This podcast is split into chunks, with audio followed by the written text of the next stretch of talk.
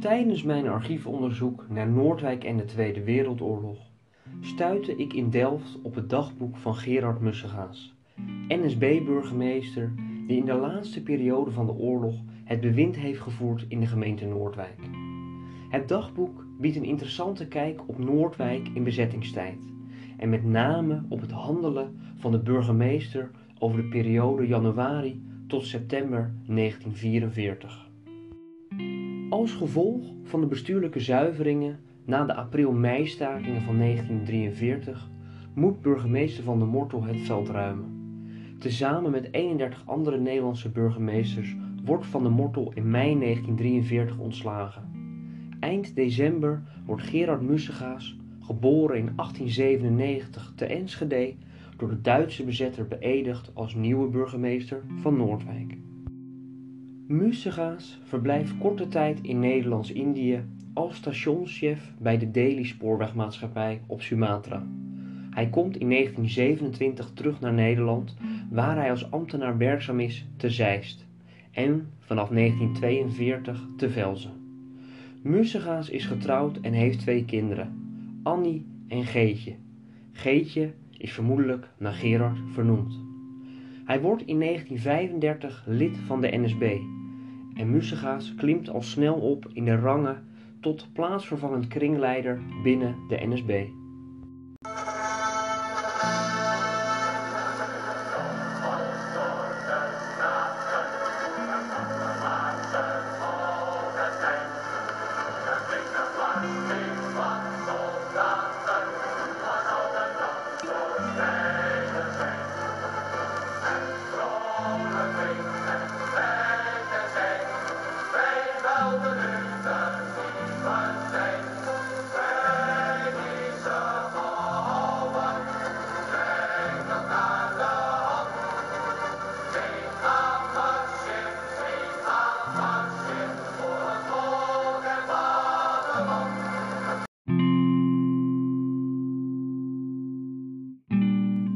21 januari 1944 komt Musegaas voor het eerst in de badplaats Noordwijk aan. Hij wordt ontvangen door wethouder Vogelaar en gemeentesecretaris Ike. Bij de ontmoeting worden standpunten van weerszijden uitgewisseld en besproken wordt dat Vogelaar als wethouder aanblijft. In de middag maken Musegaas en Vogelaar gezamenlijk een fietstocht door Noordwijk. Die fietstocht wordt Vogelaar niet in dank afgenomen. Zo schrijft Musegaas in zijn dagboek. Vervolgens is de wethouder Vogelaar bij mij gekomen, die mededeelde dat er nu reeds stemmen tegen hem opgaan, daar hij gisteren met mij is rondgefietst. We hebben ons standpunt nogmaals bepaald. Hij blijft aan.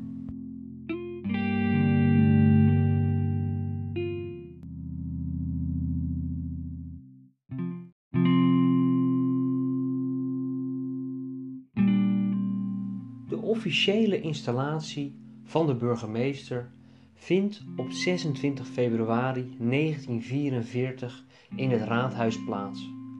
Musegaas bereidt zich uitvoerig op deze dag voor. Er wordt een lijst opgesteld met genodigden. Ruim 130 personen mogen er komen. Hieronder niet alleen bekende NSB-burgemeesters uit de regio, maar ook de groepsleider van de Noordwijkse NSB en diverse Noordwijkse hoogwaardigheidsbekleders, zoals de directie van Grand Hotel Huisterduin. Ook de beauftragte van Zuid-Holland ontvangt van Mussegaas een uitnodiging, maar die kan in verband met familieomstandigheden in Berlijn niet komen. Bij binnenkomst van Mussegaas wordt er door de Noordwijkse NSB een welkomstlied ten gehore gebracht. Het lied is geschreven door de Noordwijkse NSB'er Langendijk op de melodie van een bekend NSB-lied, genaamd Vrijheid en Recht. Componist van dit nummer is Melgert Schuurman. In 1940 wordt hij hoofd zangdienst van de afdeling Vorming van de NSB en componeert hij vele partijliederen, waaronder het nummer Zwarte Soldaten.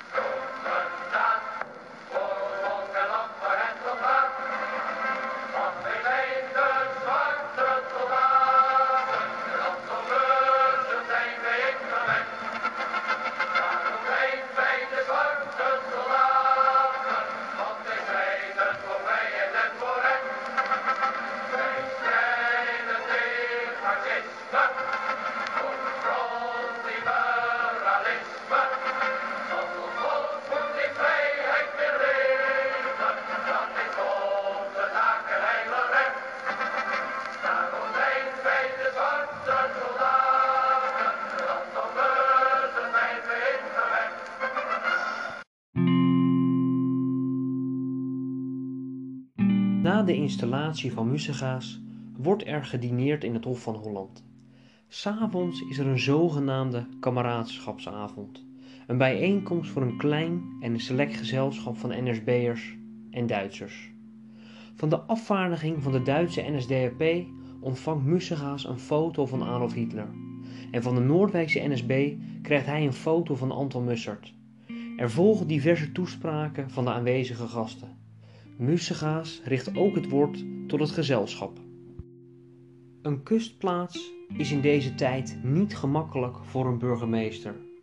En men heeft mij wel gezegd: waarom heb je niet geweigerd? Er zijn nog zoveel andere plaatsen waar nog geen NSB-burgemeester is. Doch ik ben hier niet gekomen om het gemakkelijk te hebben. Dan had ik kunnen wachten tot er een andere plaats vrij kwam. En ten tweede heeft men mij deze opdracht gegeven omdat ik mijn praktijk in een kustgemeente opgedaan heb en een opdracht van de leider heeft men op te volgen. De dag na de installatie wordt er nog met enkele NSB-kameraden uit Zeist in een van de dependances van Huizen Duin geluncht. Daarna zijn de officiële festiviteiten voorbij.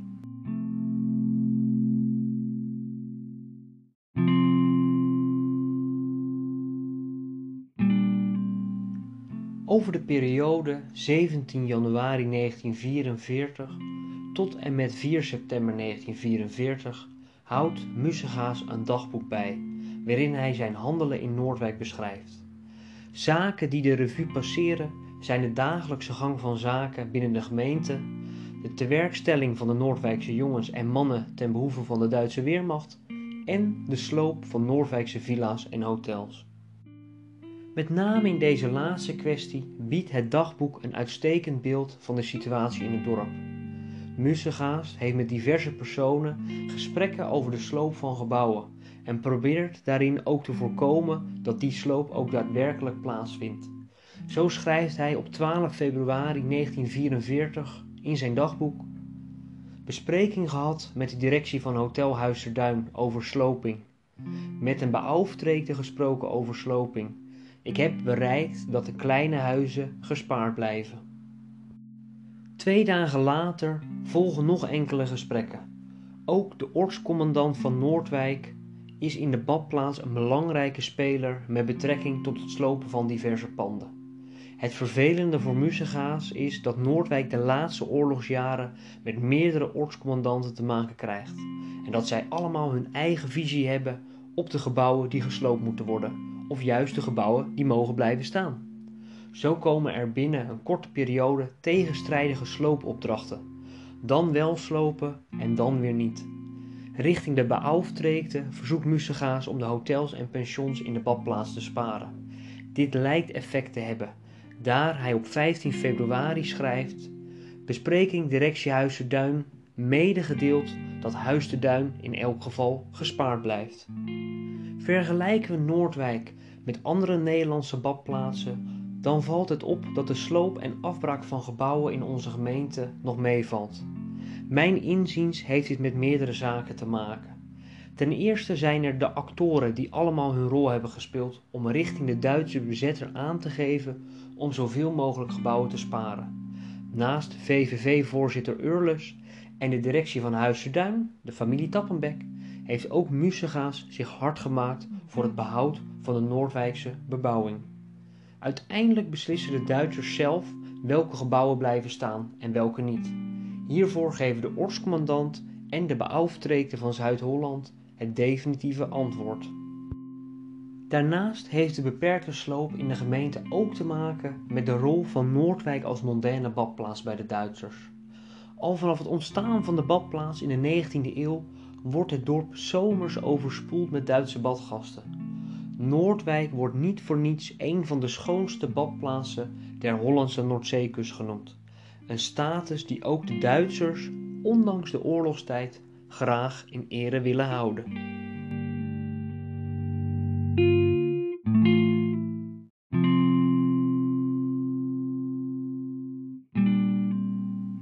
Twee data die in het dagboek van Musegaas worden genoemd, zijn erg interessant. Zo gaat de invasie in Normandië op 6 juni 1944 ook in Noordwijk niet ongemerkt voorbij. Mussega schrijft: Invasie begonnen, hetgeen enige opschutting bracht. De eerste berichten over de landing in Normandië worden via de radio bekendgemaakt.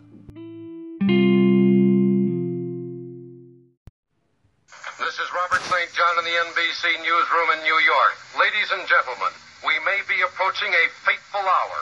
All night long, bulletins have been pouring in from Berlin claiming that D-Day is here, claiming that the invasion of Western Europe has begun. Uh, let me read you several of the latest bulletins. One says that a report, unconfirmed by allied sources, of course, says that heavy fighting is taking place between the Germans and invasion forces on Normandy Peninsula, about 31 miles southwest of Le Havre.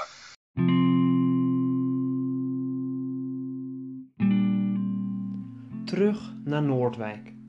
De periode van twee weken in Noordwijk die volgt op de invasie is erg interessant. In de dagen na die day is het erg onrustig in het dorp.